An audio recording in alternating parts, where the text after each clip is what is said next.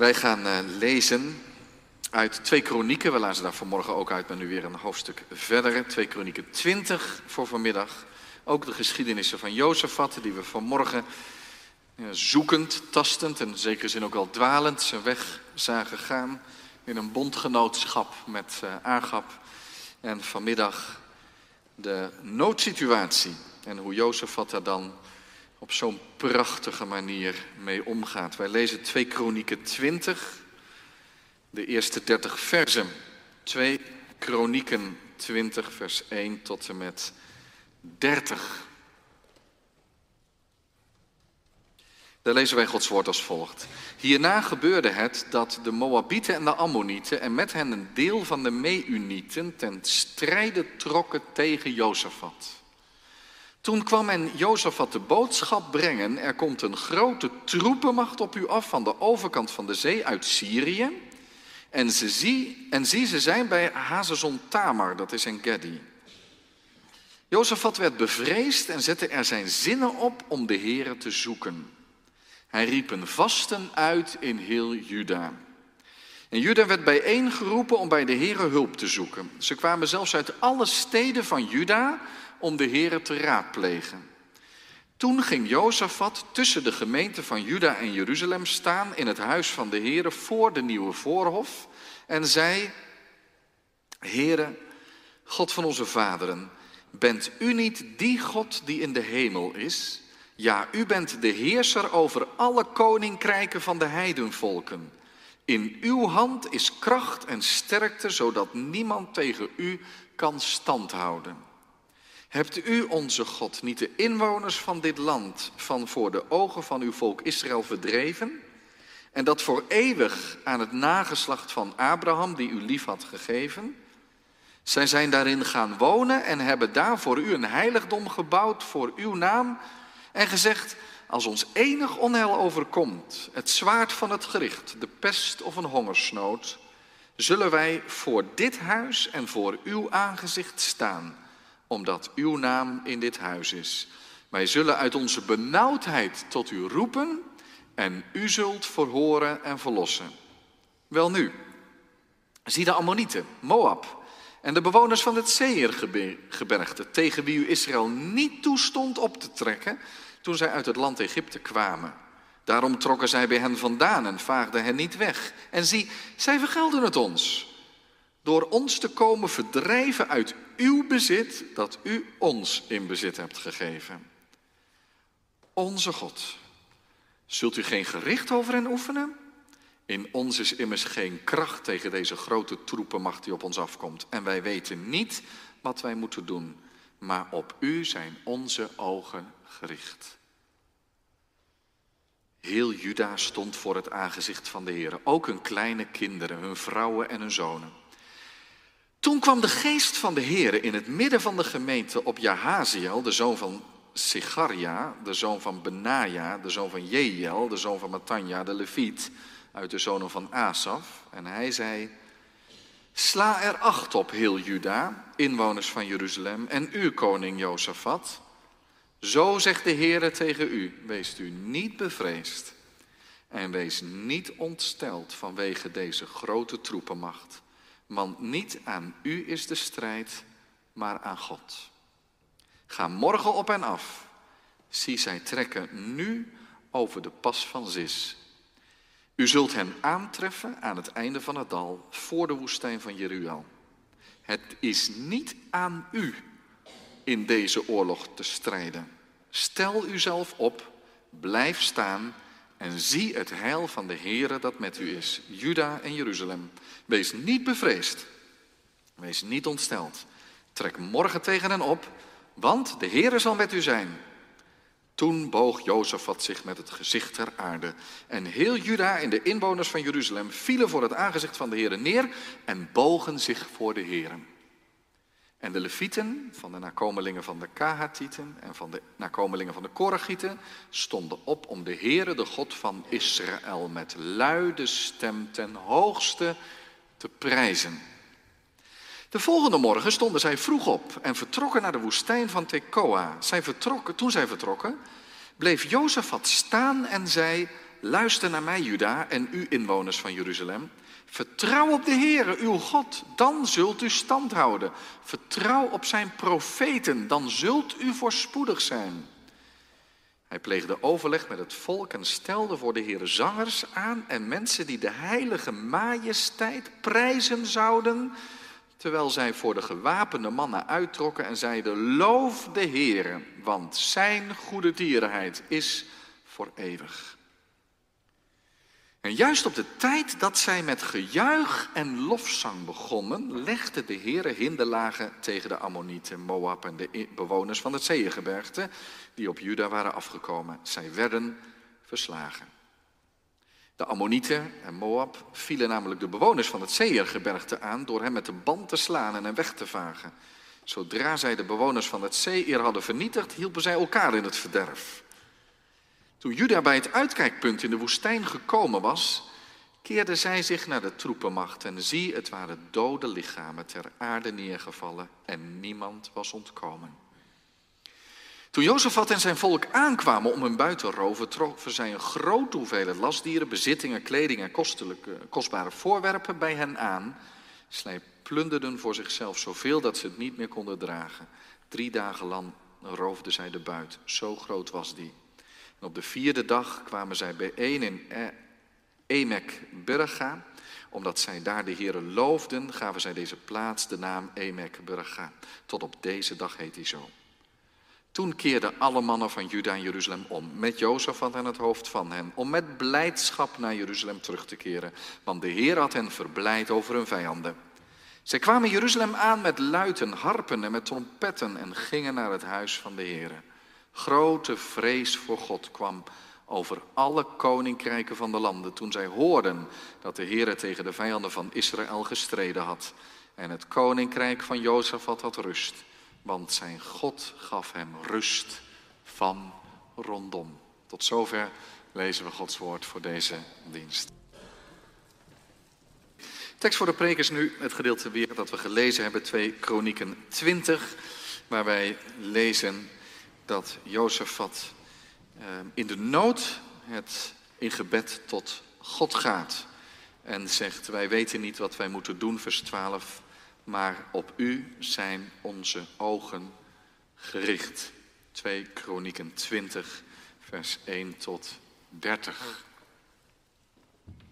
Gemeente van onze Heer Jezus Christus, welke generaal der strijdkrachten heeft ooit alles ervoor gepleit om um, het wapenarsenaal kleiner te maken.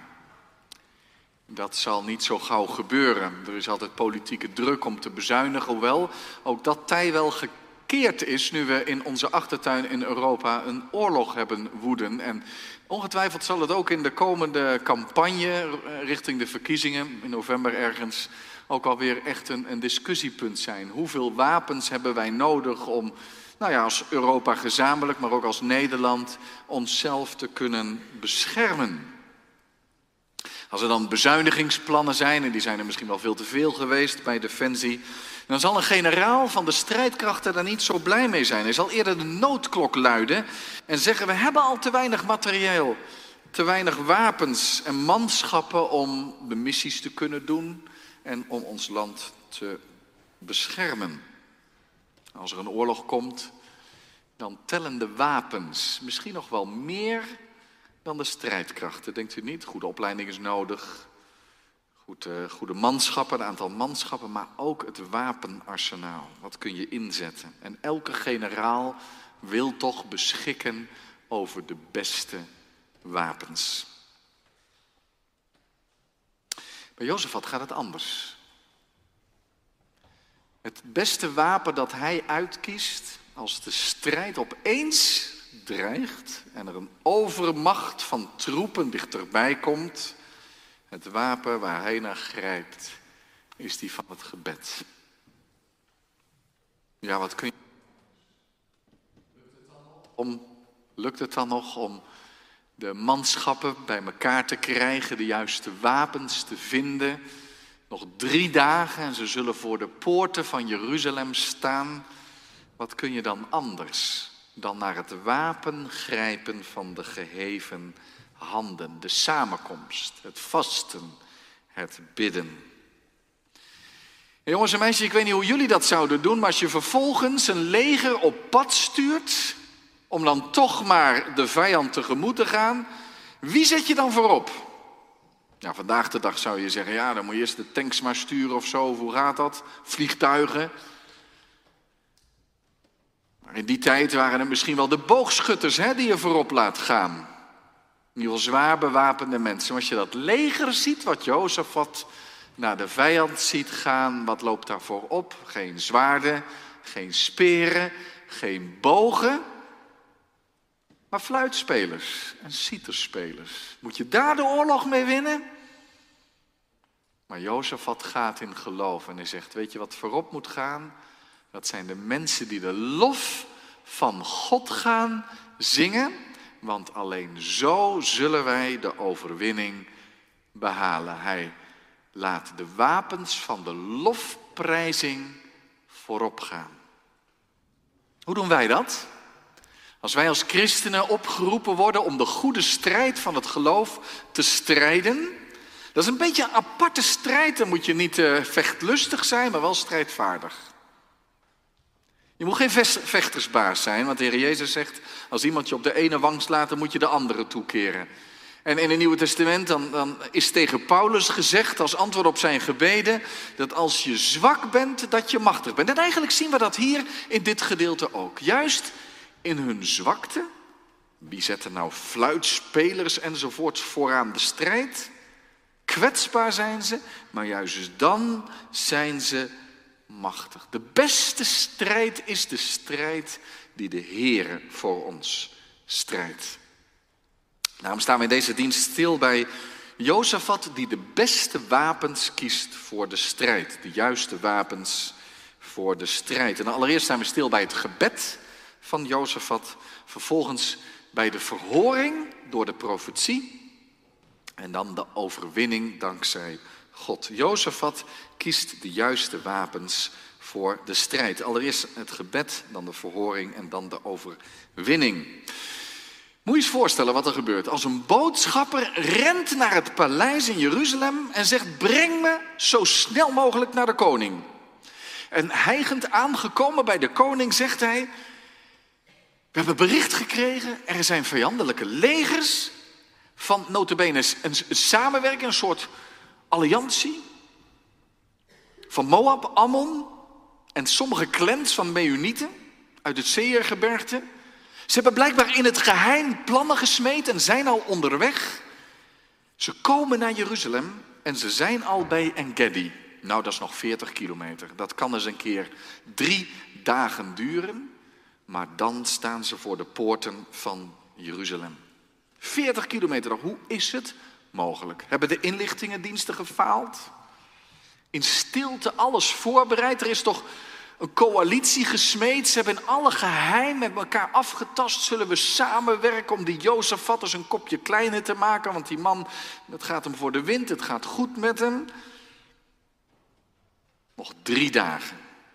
En dan overrompelen ze Jeruzalem. En dat betekent eigenlijk als dat bericht bij die boodschappen daar voor die troon van Jozefat komt, dat het eigenlijk is van ja, wat kun je dan nog drie dagen, wat kun je dan nog doen? Wat kun je nog doen in drie dagen? Om dan een heel leger op de been te gaan brengen en dan de vijand tegemoet. Geen tijd voor voorbereidingen meer. Wat doe je? Als je verschrikkelijk nieuws krijgt dat opeens de stad in gevaar is. En straks misschien wel overwonnen wordt. En wat doen ze dan met je vrouw en je kinderen als de mannen al gesneuveld zijn? Het lijkt alsof de grond onder je voeten vandaan zakt. En dat zie je ook bij Jozefat wel gebeuren. Je leest in vers 3, Jozefat werd bevreesd. Maar wat doet hij dan? Hij zet zijn zinnen erop om de Here te zoeken en hij roept een vaste uit. Dan, dan, dan doet Jozefat eigenlijk drie dingen. Het gebed is het eerste. Hij wil de Here gaan zoeken. Hij neemt zich voor, er is maar één manier van redding. En dat is als we nu naar de Here toe gaan, want Hij moet het doen. Hij gaat bidden. We gaan tot God alleen. Waar dan heen? Tot U alleen. We gaan bidden. En het tweede wat hij doet, hij roept een vaste uit. Nou, als je dan een oorlog moet gaan voeren, dan denk ik dat vasten niet zo heel handig is. Jongens, over drie dagen moeten we de strijd misschien aan, maar we gaan ons eten en drinken laten staan. Je zou zeggen, je moet ze vooral vol stoppen, want ze zullen het nodig hebben. Maar blijkbaar zegt Jozef, kijk, als de Heer ons niet redt, dan is het toch verloren. Wat hebben we te verliezen? We kunnen net zo goed gaan vasten om daarmee aan de Heer te laten zien. Heer, als u het niet doet, is het absoluut een verloren zaak. We leggen ons dus compleet in uw handen. We gaan niet rekenen.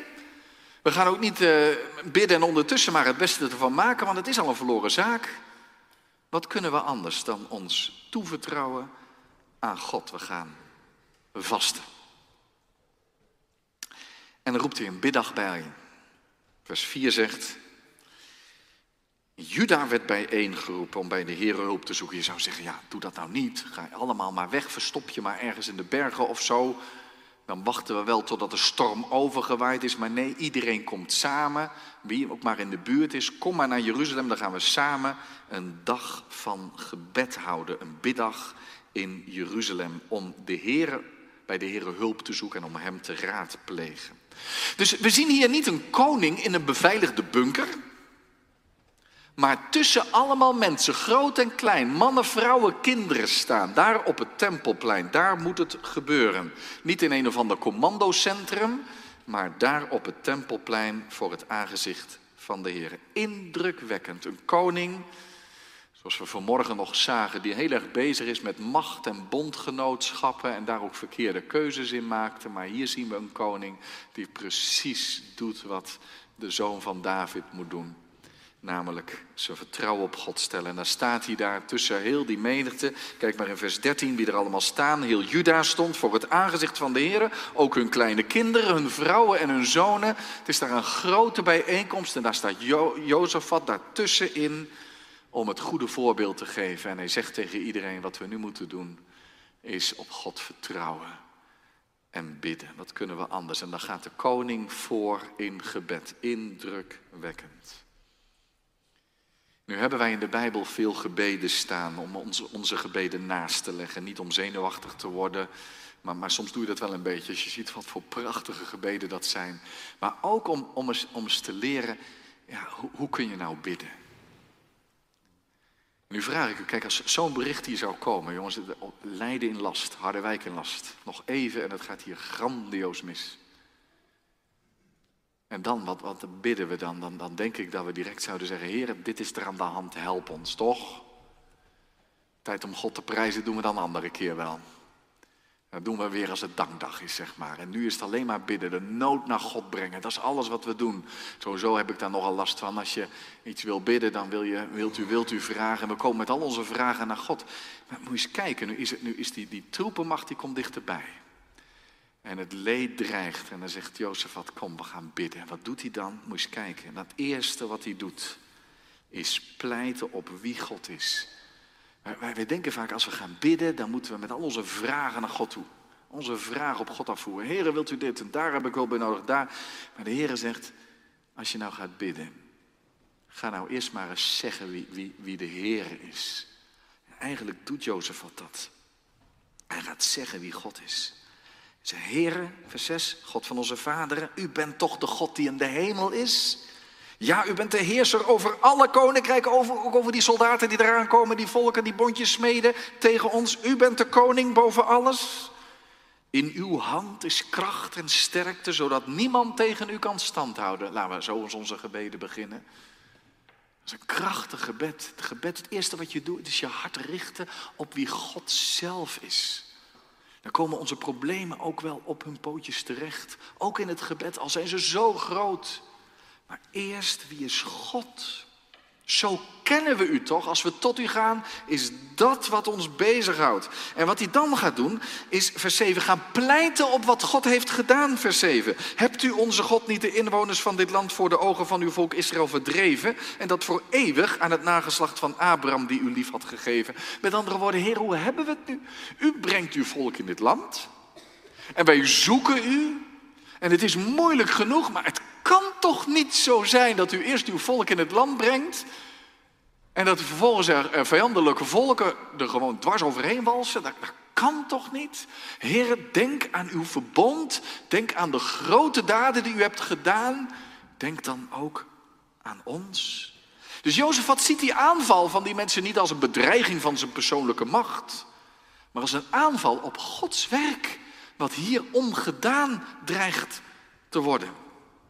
En dan gaat hij pleiten op Gods eigen belofte. Dan gaat hij terug in zijn gedachten naar wat in 1 Koningen 8 staat, de inwijding van de tempel. Want daar stond ook een koning tussen het volk en de tempel. Om voor te gaan in een gebed. En daar heeft Salomo gebeden, Heer, nu is dit uw huis. En hier woont u. Maar telkens als er de pest is, of het zwaard, de oorlog dreigt, of wat er ook aan leed en ellende gebeurt. En als hier uw volk tot u gaat in het gebed, hoor dan vanuit de hemel. En Jozef wat zegt, dat zijn toch eigenlijk beloften. Het is toch niet dat we, dat we maar, maar ja, het kan links of rechts omgaan. Nee, het zijn uw beloften, het gaat om uw eer.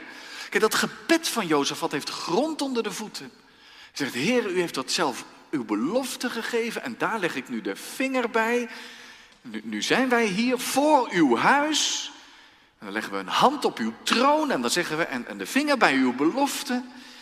Heer, u zult het toch doen. We zijn in nood. We roepen, vers 9, vanuit onze benauwdheid tot u en dan zult u verhoren en verlossen.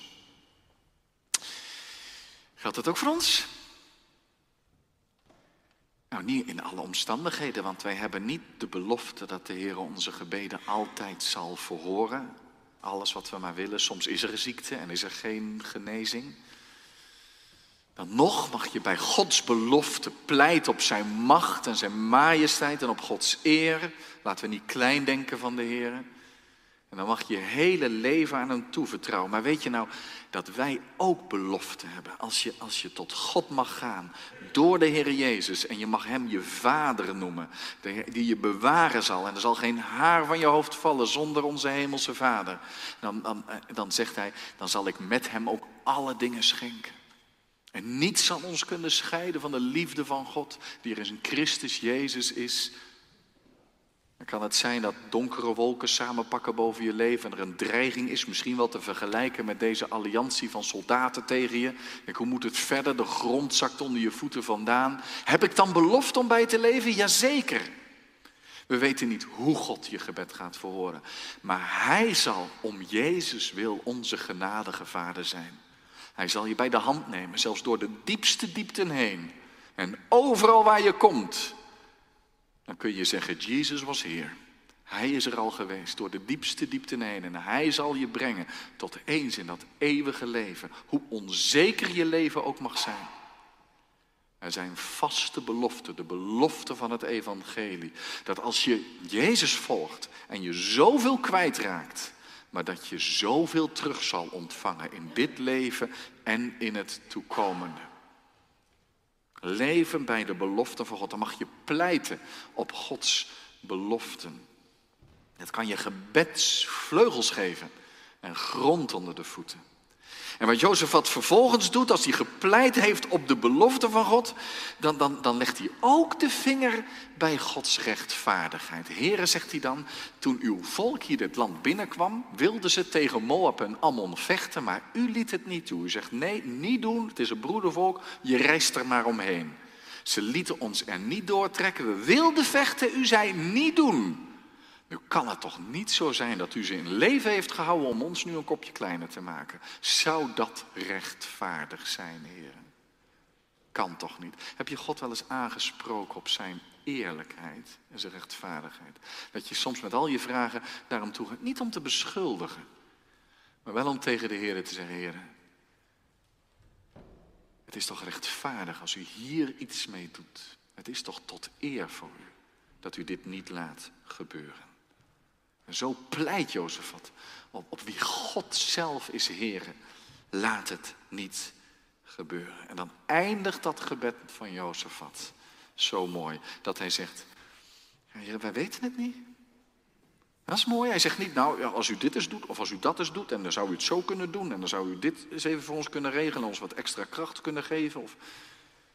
Hij laat het allemaal open. Hij zegt, wij weten het niet. Maar op u zijn onze ogen gericht. Dat is, dat is zo mooi. Dat, dat is misschien wel de kern van het gebed. Nu, kun je eigenlijk, Jozef, wat Kom nou eens, nu mag je, nu heb je alles gezegd. Wie God is en, en de belofte waar je op kan pleiten enzovoort. Heb je dat allemaal mooi ingeleid. Voor de draad met je nood nu. En dan zegt Jozef wat alleen, we weten het niet. Maar op u zijn onze ogen gericht. Totaal afhankelijk. Hij schrijft God niks voor. Eigenlijk zouden wij dat ook moeten doen. Hè? Wat leren we hier veel over ons gebed? Als je nou bidt, dan moet je eigenlijk de komende weken er de gewoonte van maken om zo je gebed af te sluiten. Dat je dan zegt, Heer, wat weet ik wat ik nodig heb? U weet het beter dan, dan ik. En in deze nood, ik weet niet hoe het verder moet. Maar onze ogen zijn op u gericht. Dan hoef je ook je gebed niet verder vol te praten. Misschien moet je dan gewoon eens even stil zijn. En je ogen op God gericht houden. Dat wil zeggen, denk dan maar aan God. En vertrouw je leven maar aan God toe. En vertrouw de uitkomst van alles wat moet gebeuren maar aan God toe.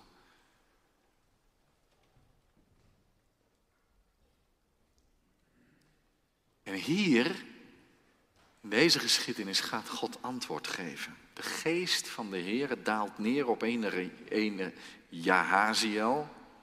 We lezen dat hij de zoon van zus en zo is. Voor de rest weten we ook niet wie het is. Bijzonder is wel dat God de verhoring geeft door te spreken. Dat vind ik toch iets om even bij stil te staan. De Heer zegt niet, uh, of uh, dat ze nu een boodschappen krijgen van, oh er is daar iets wonderlijks. Had ook gekund hè? De Heer heeft daar de boel in de war geschopt bij die tegenstanders. Ze zijn al als, als hazen er vandoor. Zo'n zo bericht komt niet. Nee, de Heer spreekt zijn profetie, zijn woord, zodat Jozefat en het volk op God vertrouwen nog voordat het opgelost is. Dat is hoe God het graag heeft. De Heer wil uitkomst geven, maar Hij wil ook dat wij ons aan Zijn woorden toevertrouwen. Hoe vaak geeft Hij niet antwoord door Zijn woord tot ons te spreken? En dat we dan niet weten wie die Haziel precies is, een onbekende leviet. En waarom hij en niet iemand anders, maakt allemaal niet uit. De Heer gebruikt eigenlijk alleen zijn mond om zijn woord door te geven. Boodschapper is niet belangrijk, als het maar het woord van de Heer is. En dan kunnen we ons afvragen, doet de Heer dat ook vandaag nog? Wie weet, wie weet, zou maar zo kunnen. Hoe antwoordt de Heer op het gebed? Kan verschillend gaan. Soms heel bijzonder. Door uitzonderlijke dingen. Dat iemand iets tegen je zegt en je zegt, wonderlijk hoe, hoe, dingen op hun plek vallen. Dat moet toch iets van de Heer zijn. Of dat je met de Bijbel bezig bent. Dat je opeens door een tekst of een gedeelte op een, op een nieuw spoor gebracht wordt en je er weer tegen kan. Soms gebeuren er concrete gebedsverhoringen. Dat je zegt, wonderlijk, ik heb de zoom gebeden en de Heer doet het. Kun je hem prijzen en danken. Maar de Bijbel is ook niet een soort antwoordenboekje. Dat je zegt, nu heb ik gebeden, nu zal me direct wel weer een antwoord eh, naar me toe komen. Zo gaat dat niet. Niet altijd. Maar de Heer is wel de sprekende God, de antwoordende God. En soms moet je wachten en soms blijf je met grote vragen zitten.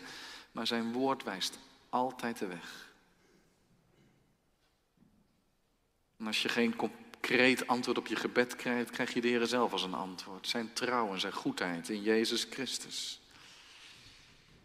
En zijn Heilige Geest om ons op de weg te leiden die uiteindelijk goed komt. En wat God hier zegt door zijn profeet is: wees niet bang, wees niet bevreesd, vers 15. Want dit wordt een hele bijzondere strijd. De strijd is niet aan jullie maar aan God. God doet dat soms. Soms moet er wel gevochten worden hoor. David heeft heel vaak een strijd moeten leveren en vele anderen ook. Maar dit wordt een bijzonder, zegt God. Nu je zo in de nood gekomen bent en zo op mij de toevlucht neemt, dan, dan zal ik hetzelfde doen als wat ooit met Israël gebeurde toen ze bij de Rode Zee kwamen en als ratten in de val zaten. Ze konden geen kant op. En toen zei de Heer tegen Mozes, ik zal voor u strijden en jij zult stil zijn.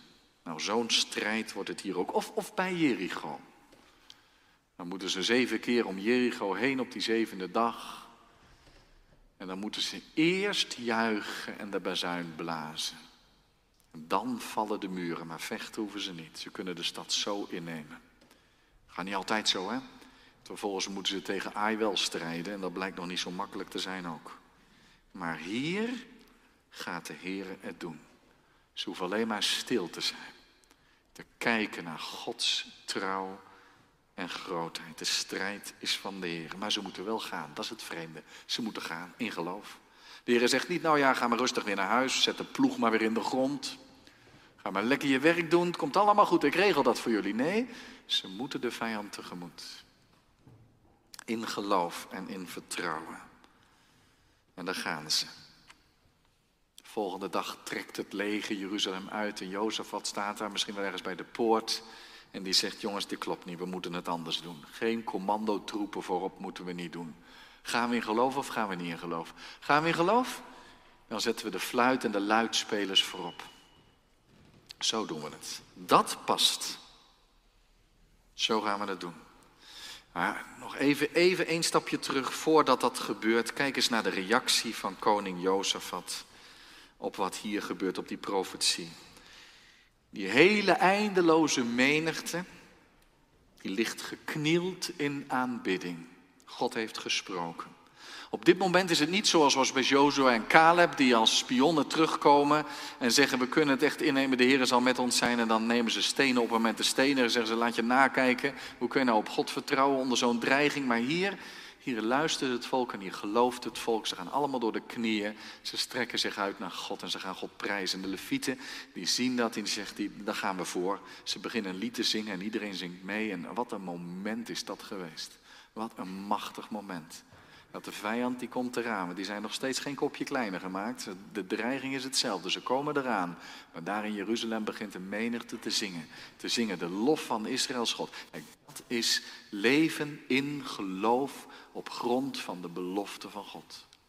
Dan ga je zingen boven de omstandigheden uit, omdat God het heeft gezegd. Je zingt eigenlijk voor de muziek uit, zou je kunnen zeggen.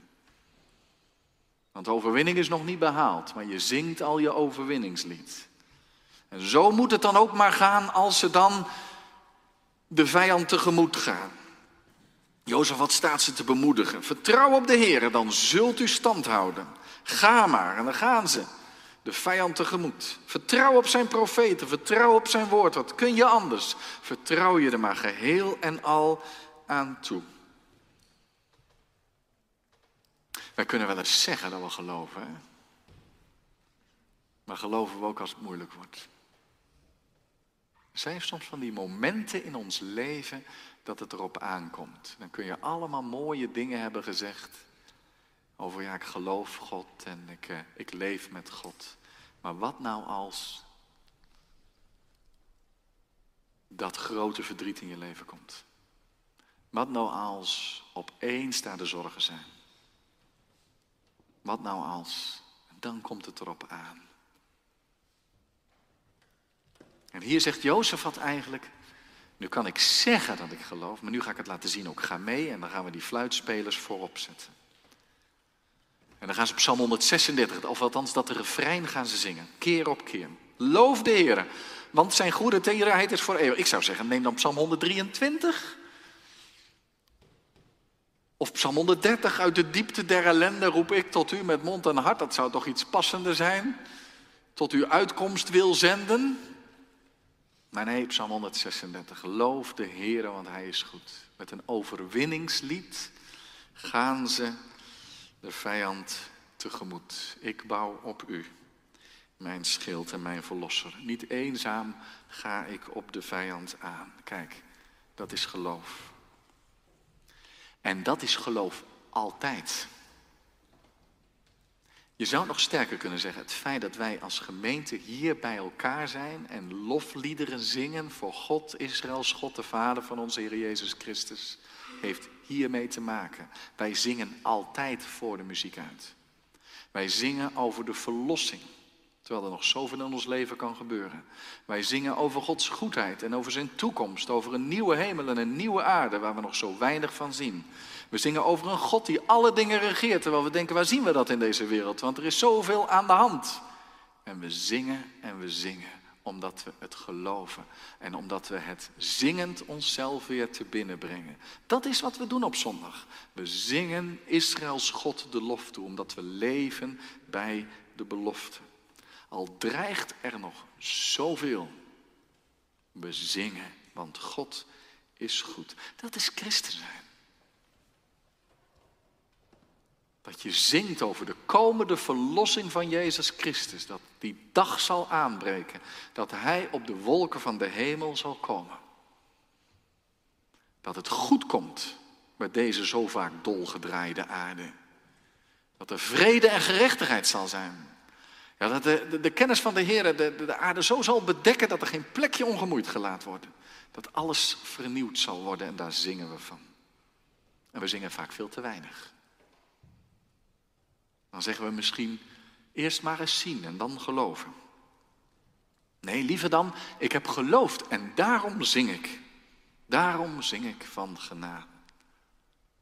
Want het wonderlijke is, en dat heeft ons toch wat te zeggen, in vers 22 lees je dat het al ze gaan, juist op de tijd dat zij met gejuich en lofzang begonnen, legde de Heer hinderlagen tegen de Ammonieten enzovoort. Zingend gaan ze de vijand tegemoet. En terwijl daar de lofzang opklimt, houdt de Heer daar de opmars van de vijand tegen. Ze krijgen ruzie of hoe het ook gaat, ze vliegen elkaar in de haren. Ze doden elkaar, de clans, de coalitie valt uit elkaar. Een onderling gevecht. En uiteindelijk keren ze naar Jeruzalem terug. Ze hebben niks hoeven doen behalve de buit binnenhalen. En dan zingen ze hun weg terug naar het huis van God. De vraag voor ons is, hoe kunnen wij nou in ons leven de zangers voorop laten gaan?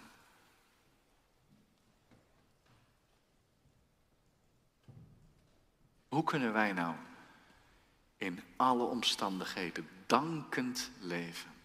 De lofzang gaande houden. Zing. Zing in de gezinnen. Zing in de gemeente. Zing in de samenkomsten. Prijs God in alles. We mogen bij voorbaat danken. Omdat we geloven dat onze Heer Jezus Christus de overwinning reeds heeft behaald. En we zingen dat het een lieve lust is. Zo zong Paulus tot in de gevangenis aan toe. Dat zegelied van Romeinen 8, zo'n lied is dat.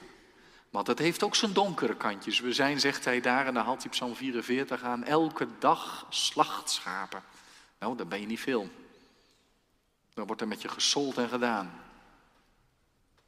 Maar in Hem zijn wij meer dan overwinnaars. En daarom ben ik verzekerd, zegt Paulus, dat niets ons zou kunnen scheiden van de liefde God in Christus Jezus. We zijn meer dan overwinnaars door Hem die ons lief gehad heeft. Dat is leven bij die woorden van de profetie. Bij het evangelie van onze Heer Jezus Christus. Zet de zangers voorop. Want de strijd is van de Heer. En in het Nieuwe Testament is dat nog veel meer. Ook als wij de goede strijd van het geloof strijden. Het gaat erom dat Christus voor ons heeft ingestaan. Hij heeft de overwinning behaald en zal de overwinning behalen. En daarom zijn wij samen en daarom zingen wij van de goedheid van God. Wij hebben in alle strijdjes die wij te strijden hebben, deze juiste wapens nodig die Jozefat ter hand nam. De juiste wapens van gebed, van vasten, van samenkomen en vooral van lofprijs en aanbidding. Zo mag je elke uitdaging in je leven tegemoet. Laat maar komen wat komt. Als God voor ons is. Wie zal tegen ons zijn? Amen.